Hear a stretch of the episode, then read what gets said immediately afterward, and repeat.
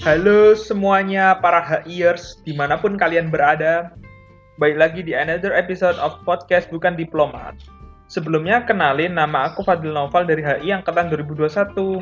Hari ini aku ditemenin sama dua HIers lain nih. Boleh dari Mas Ganteng dulu yang memperkenalkan diri. Halo halo, kenalin aku Muhammad Alif Chandra Putra, biasa dipanggil Hanif. Aku dari HI angkatan 2019. Nah, sekarang aku sama Kiki selama beberapa menit ke depan bakal temenin kalian di sini. Yang di skip ya. Bener banget Kak Hanif, betah-betah ya dengerin aku sama Kak Hanif buat ngoceh terus nih beberapa menit ke depan. Oh ya, kenalin aku Rizky Safina, nah, biasa dipanggil Kiki dari angkatan 2020. Hei Kak Kiki, hei Kak Hanif, apa kabar nih selama liburan? Ngapain aja? Pada heboh bagi waktu untuk nongkrong atau malah sibuk sama organisasi dan magang nih? Iya, kalau aku sendiri sih sibuk rebahan ya di kamar aja di kosan aja karena aku nggak terlalu suka nongkrong sama teman-teman itu aja sih dari aku mungkin kami hmm. kalau aku sih kurang lebih sama juga sih sama Kiki Cuma paling di depan laptop beberapa kali ngurusin organisasi dikit-dikit gitu aja deal paling aku mah. Wah, beragam sekali kesibukannya. Kak Tiki rebahan dan Kak Hanif sibuk organisasi. Apa pun kesibukannya, kalian berdua merupakan orang-orang hebat yang luar biasa. Gak kerasa bulan depan udah mau mulai lagi aja kuliah nih. Eh, tapi excited sih, soalnya katanya semester depan itu akan dilaksanain secara luring. Kak Kiki sama Kak Adif gimana nih perasaannya kalau kita benar-benar kuliah di kampus lagi di semester depan? Hmm, oke okay, oke. Okay. Karena aku dulu udah pernah ya udah sempet kuliah offline juga tahun 2019 dan sebenarnya cuma berapa bulan cuma 7 sampai 8 bulan lah. Cuman aku jujur aku nggak sabar juga sih buat ngerasain lagi kayak gitu. Soalnya seru sih kuliah offline kayak gitu. Semua sisinya seru soalnya kalau aku pribadi sih di bawah happy aja kali ya. Walaupun aku tahu kuliah offline ini dengan kegiatanku yang lumayan padat pasti akan jauh lebih sibuk dan lebih capek. Tapi aku bakal nikmatin aja sih ya. Ikutin alurnya aja kalau aku excited ya enggak juga biasa aja sih tapi ya walaupun nanti kelas jadi offline aku sendiri penasaran perbedaannya dengan kelas online. Apalagi udah lebih dari dua tahun berlalu. Kalau kakak-kakak di sini gimana sih ngelihat kondisi pembelajaran kemarin waktu online? Lebih nyerap atau berkualitas yang mana nih? Hmm, bicara mengenai kualitas pendidikan ya dari aku uh, pastinya menurun, adanya penurunan karena dengan keadaan yang serba mendadak, banyak adaptasi yang harus dilakukan uh, oleh kita semua nih, baik dari tenaga pendidik maupun kita sebagai mahasiswa juga pasti banyak kendala.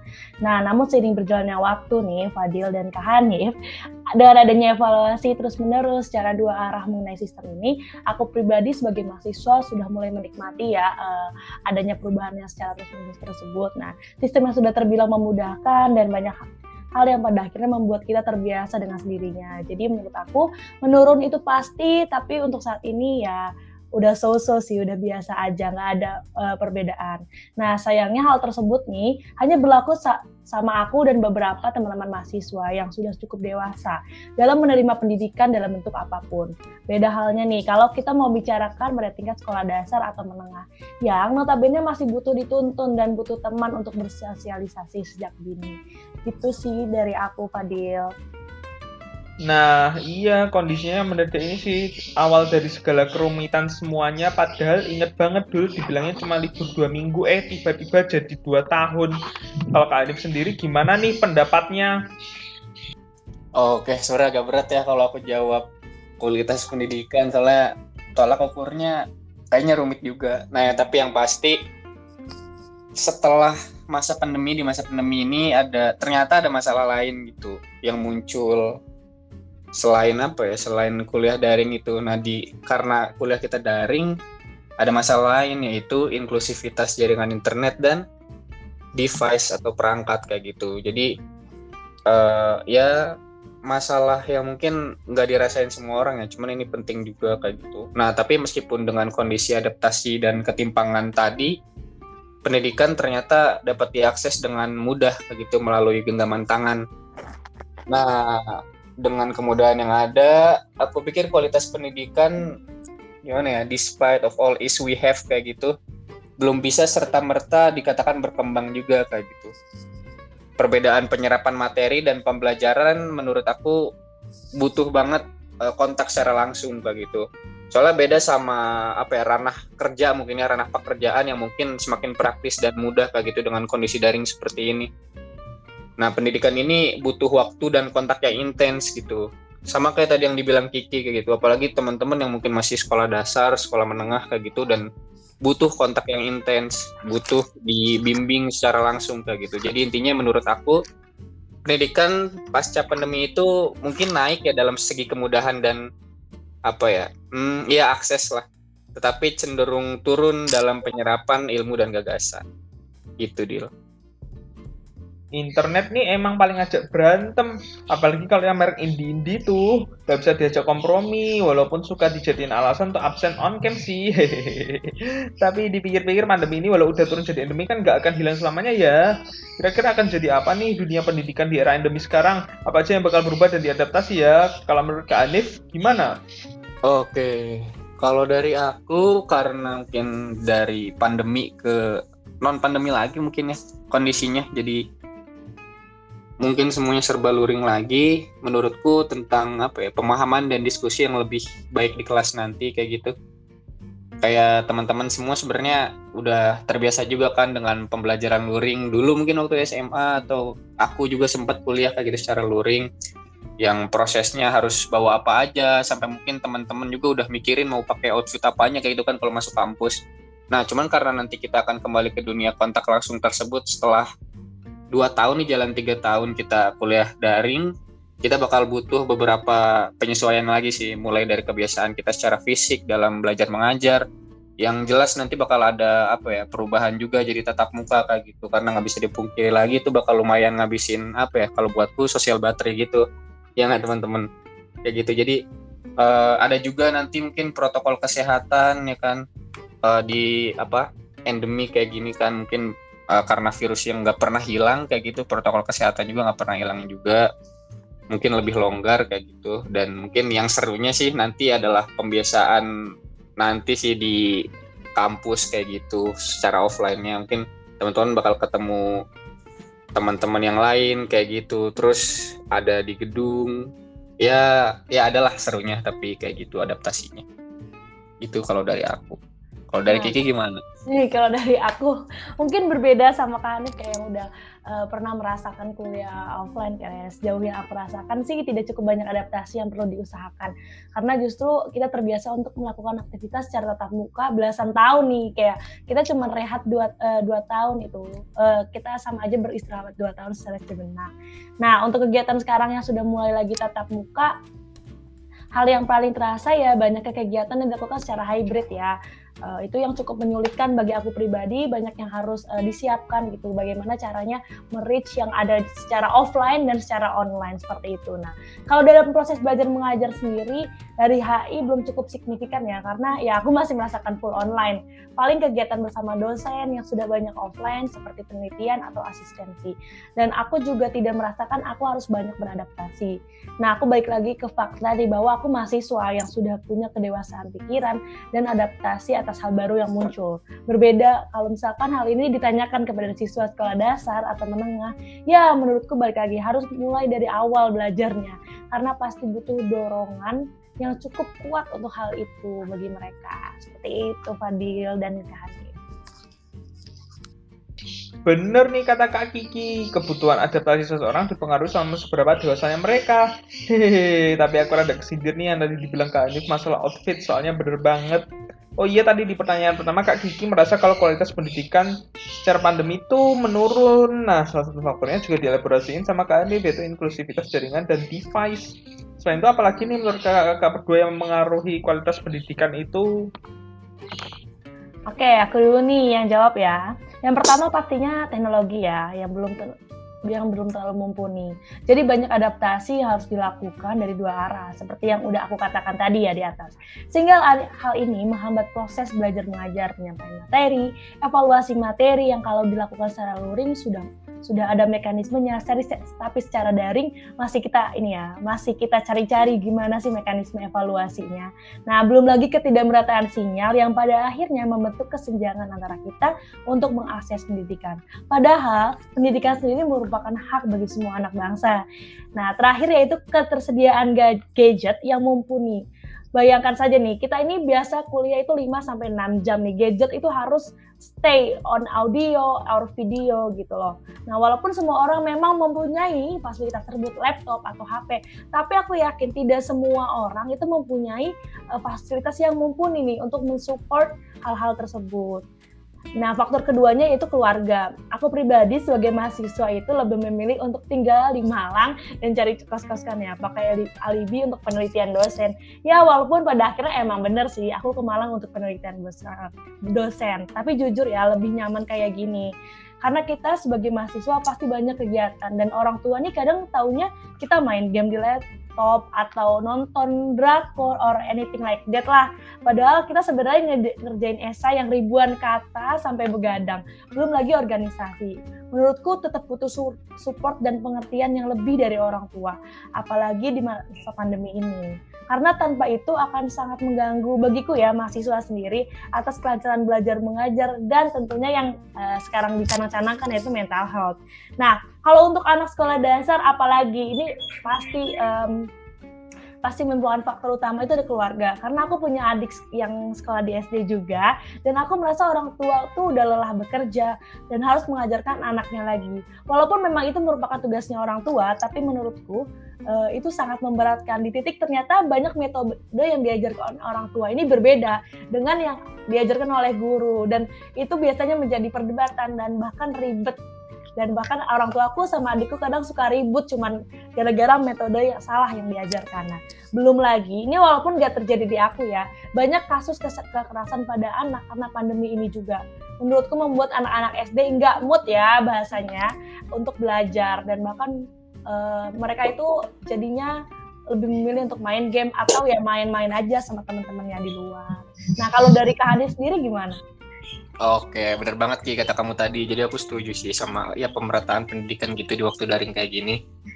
Nah, terus mungkin aku lanjutin apa kata Kiki juga tadi sama apa yang aku bilang di awal. Jadi inklusivitas jaringan sama perangkat itu ya. Bayangin aja di Indonesia itu masih ada loh teman-teman kita yang kalau mau ikut kelas daring harus nyari wifi gratis dulu atau nabung dulu buat beli kuota kayak gitu sampai nabung lama atau bahkan sampai ada yang harus pinjem HP orang lain gitu buat tetap ngikutin kelas. Nah, jadi masa-masa apa ya, pendidikan daring yang kayak sekarang yang harusnya menawarkan ease of access kayak gitu terhadap pendidikan malah jadi gimana ya istilahnya kerumitan yang jadi double gitu buat teman-teman itu kayak bayar kuliah iya dan bayar perangkat dan bayar kuota juga iya kayak gitu kan. Jadi buat teman-teman yang belum terbiasa dengan hal seperti itu kan jadi double juga sulitnya menurutku kayak gitu. Itu aja paling dari aku. Dari Maret 2020 sampai sekarang Juli 2022 udah mau jalan 3 tahun pandemi COVID-19 terjadi. Kira-kira upaya negara khususnya Indonesia dalam mengatasi problem-problem pendidikan online ini udah stabil membaik kah? Oke oke, aku dulu kali ya. Jadi oke pertanyaannya agak rumit juga ini. Jadi menurut aku hmm, di mana pun pemerintah setiap negara udah sangat terlihat sih struggle-nya untuk tetap menjaga kualitas pendidikan uh, ya biar tetap baik lah di masa pandemi ini kayak gitu. Begitupun pemerintah Indonesia. Jadi mulai dari subsidi kuota, program wifi gratis yang ada di desa-desa atau kebijakan sekolah dengan persentase luring tertentu kayak gitu kan sempat ada juga ya.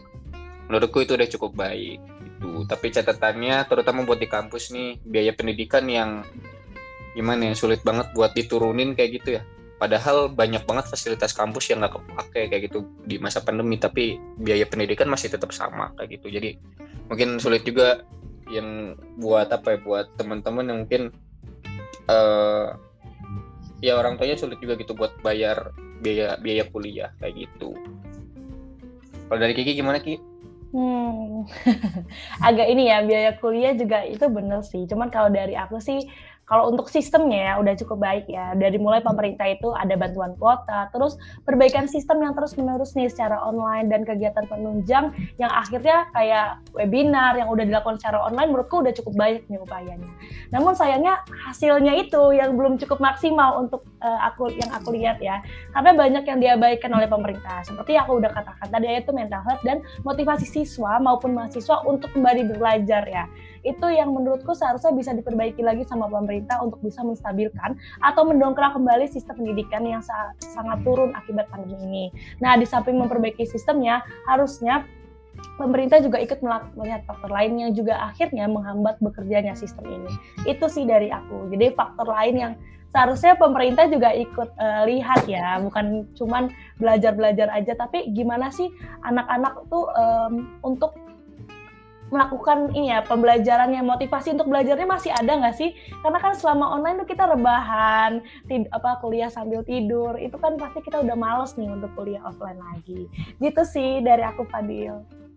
Padahal di sosmed, TV, berita sering banget diumumin tentang membagikan subsidi kuota dan bantuan penunjang pendidikan lain untuk membantu pelajar dan mahasiswa, tapi kok berita mengenai anak-anak yang harus lari-larian, cari sinyal, sana-sini, tetap aja ramai dibicarain selama pandemi ya. Oh iya, kalau Kak Adem sama Kak Kiki sendiri, apa sih yang paling efek dari adanya pandemi ini? Kangen gak sih berinteraksi bebas kayak dulu lagi sama teman-teman sekelas? Oke, dari aku ya. Iya sih. Jadi sebenarnya langsung kepikiran juga sih. Jadi inget dulu kayak gitu saat semester 1 sama awal semester 2 kayak gitu sebelum pandemi. Jadi kita tuh di kelas ya benar-benar deket dan berinteraksi juga lancar kayak gitu. Kegiatan kelas juga yang gak berhenti pas kuliah aja kayak gitu. Jadi selalu ada aja waktu buat berkumpul di sore atau malam mungkin kayak nongkrong kayak gitu ya. Beres kuliah kayak gitu. Dan sama dosen juga kayak gitu. Kalau dulu aku ngerasanya pembelajaran dan kedekatan emosional kita juga dengan dosen gitu lebih kerasa juga. Nah mungkin kalau sekarang aku juga udah jarang dengar kabar kalian ya dari teman-teman uh, kampusku dari teman-teman satu jurusanku kecuali yang emang aku intens juga mungkin apa nyanya-nyanya kabar ya kayak gitu. Jadi ibaratnya ya kalau dulu itu kita kalau misalkan ke kampus nih kuliah offline misalkan aku masuk jam 9 kayak gitu.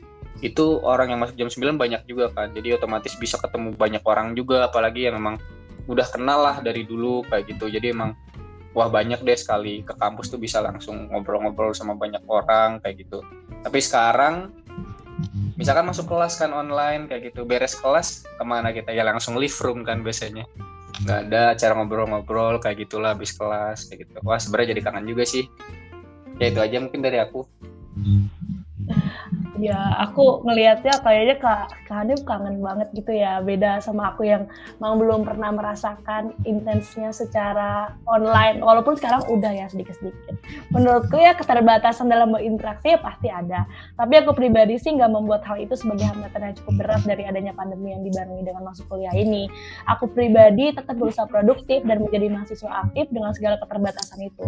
Pintar-pintar cari peluang aja sih dari tantangan yang ada karena kita kan mahasiswa ya bisa harusnya bisa beradaptasi. Nggak bisa terus-terus menyalahkan keadaan. Wah gara-gara covid nih jadinya online jadinya nggak bisa ketemu. Nggak bisa. Harusnya kita bener-bener apa ya uh, hadapi gitu the, the obstacle. Nah mungkin efeknya ya lelah ya mengerjakan program kerja yang secara terus-menerus online jadi banyak ngeluhnya tapi tetap aku jalanin sih selama ini. Nah pemahaman materi untuk kuliah juga sebenarnya aku masih fine fine aja. Karena mahasiswa ya memang seperti ini kartu kata kakakku ya. Harus banyak membaca beda sama anak SD sama anak SMP atau SMA yang uh, pastinya sangat merasakan keterbatasan berinteraksi dan kuliahnya. Nah, apalagi aku anak HI yang teoritis juga dan tidak perlu praktik secara langsung. Jadi uh, kebanyakan juga kan belajarnya konsep dan teori. Jadi menurut aku keterbatasan itu nggak terlalu terasa di aku ya. Aku uh, let it flow aja orang. Itu Fadil dan Kani. Aku setuju sama Kak Kiki. Selama dua semester di AI emang lebih banyak belajar memahami konsep dan teori sih dibanding terjun ke lapangan kayak fakultas lain. Tapi aku juga tetap kangen berinteraksi langsung sama teman-teman secara kayak dulu lagi. Semoga aja semester depan beneran deh luringnya. Kak Anif gimana nih balik ke kelas offline lagi? Deg-degan gak? Setelah melewati lebih dua tahun kelas virtual bakal culture shock lagi Kak nih? Oke. Kayaknya sih kemungkinan besar enggak ya karena dari dulu udah kebiasa juga sebenarnya jadi ya udah ya boleh udah biasa lah kuliah di kampus kayak gitu. Meskipun dua tahun keadaan pandemi ini cuman ya aku beberapa kali juga mungkin kayak seminggu sekali bahkan ya ada aja acara organisasi yang yang untuk kita buat ke kampus kayak gitu. Jadi uh, ya udah agak biasa juga sebenarnya. Jadi kayaknya nggak bakal culture shock sih deal kalau aku. gitu kalau Kak Kiki sebagai sama angkatan pandemi yang belum pernah nyoba kehidupan pembelajaran luring di kampus, gimana nih? Sekarang, jadi aku udah dari tahun lalu gitu di Malang, dilanjut sama kegiatan organisasi yang sekarang ini juga sudah offline beberapa. Nah, adaptasi lebih ke pasti akan terasa lelah ya di badan, tapi seru juga di bawah happy aja kalau dari aku. Selain itu mungkin mungkin buat lebih kesiapan kesiapin mental ya untuk berbicara di depan orang banyak karena jujur selama dua tahun online dan terbiasa ngomong di depan laptop aku jadi agak lupa how to manage grogi ya kalau ada orang natap banyak um, apalagi kalau ngomong di depan umum secara langsung. Dan kemarin itu mungkin uh, maksudnya tahun ini ketika aku mencoba ikut beberapa forum offline dan lomba offline, aku merasa sangat grogi gitu, ditatap banyak orang secara langsung. Padahal dulu sebelum pandemi aku ngomong di depan kelas dan jadi MC itu udah biasa aja gitu. Dari aku itu aja sih adaptasi yang akan aku siapkan untuk kuliah offline nanti. Ya walaupun cuma dua sih, tapi ini menurutku penting banget. Aku pribadi kan orangnya nggak mau ribet ya, jadi menurut menurutku sih cukup ikuti alurnya aja dan gak usah terlalu dibawa pusing karena kuliah itu pasti lelah apalagi yang ikut organisasi kalau mau dibawa terus lelahnya terus dibawa takut dan overthinking kayaknya nggak akan ada habisnya deh Fadil Waduh, ngomong depan orang apa tuh? Udah lupa caranya gimana gara-gara pandemi. Sebagai yang udah pernah nyicipin perkuliahan luring, ada pesan buat kami gak ke Anif? Para angkatan pandemi, anak 20, 21, dan 22. Oke, karena tadi buat apa ya buat persiapan udah jelasin Kiki kayak gitu. Cuman aku satu aja deh pesanku. Kalau menurutku segera hafalin deh tempat dan posisi ruangan yang ada di gedung-gedung visip kayak gitu. Itu aku jamin bakal berguna banget terutama buat masa-masa awal kuliah luring. Nah, kayak gitu. Jadi dihafalin lah pokoknya biar gak bingung nanti nyari toilet di mana, nyari kantin di mana kayak gitu kan dan lain-lain lah. Kayak gitu. Aku jamin itu bakal ya berguna lah oh iya jangan lupa juga nih uh, pokoknya jangan kaget waktu nanti pas kelas kayak gitu. Karena emang setiap apa ya, setiap matkul lah ibaratnya setiap suasana kelas nanti bakal beda kayak gitu. Karena emang perbedaan pengajarnya juga dan juga perbedaan teman-teman kelasnya juga gitu. Mungkin teman-teman yang udah milih ya di KRS-nya kayak gitu. Ya pokoknya bakal seru deh. Bakal ya bakal seru deh. Pokoknya semangat buat hire sekalian gitu Aduh, makin gak sabar depan mulai dan menghadapi hiruk pikuk kuliah offline. Saking gak sabarnya dan penasaran sampai tadi ikut gak sadar ngobrolnya udah ngalor ngidul lama abis. Sun harus nih ngobrol-ngobrol lagi sama Kak Anif dan Kak Kiki secara langsung tanpa ada durasi waktu. Habisnya asik banget. Makasih ya Kak udah mau berbagi pendapat dan pengalamannya. Oke, sama-sama Fadil. Boleh nih, nanti kita rencanakan ngobrol offline ya kalau udah pada di Malang. Ya nggak Kak Hanif? Iya benar, sama-sama ya Fadil. Makasih juga buat Kiki. Ya boleh banget nanti kalau misalkan kita ya kumpul-kumpul lah di Malang buat ngobrol-ngobrol. Ya sampai ketemu teman-teman semua. Oke, okay, H-Years, segitu aja nih episode kita kali ini. Seru banget emang bahasannya. Makasih untuk yang masih setia mendengarkan. Jangan lupa nantikan episode-episode podcast selanjutnya ya. See you!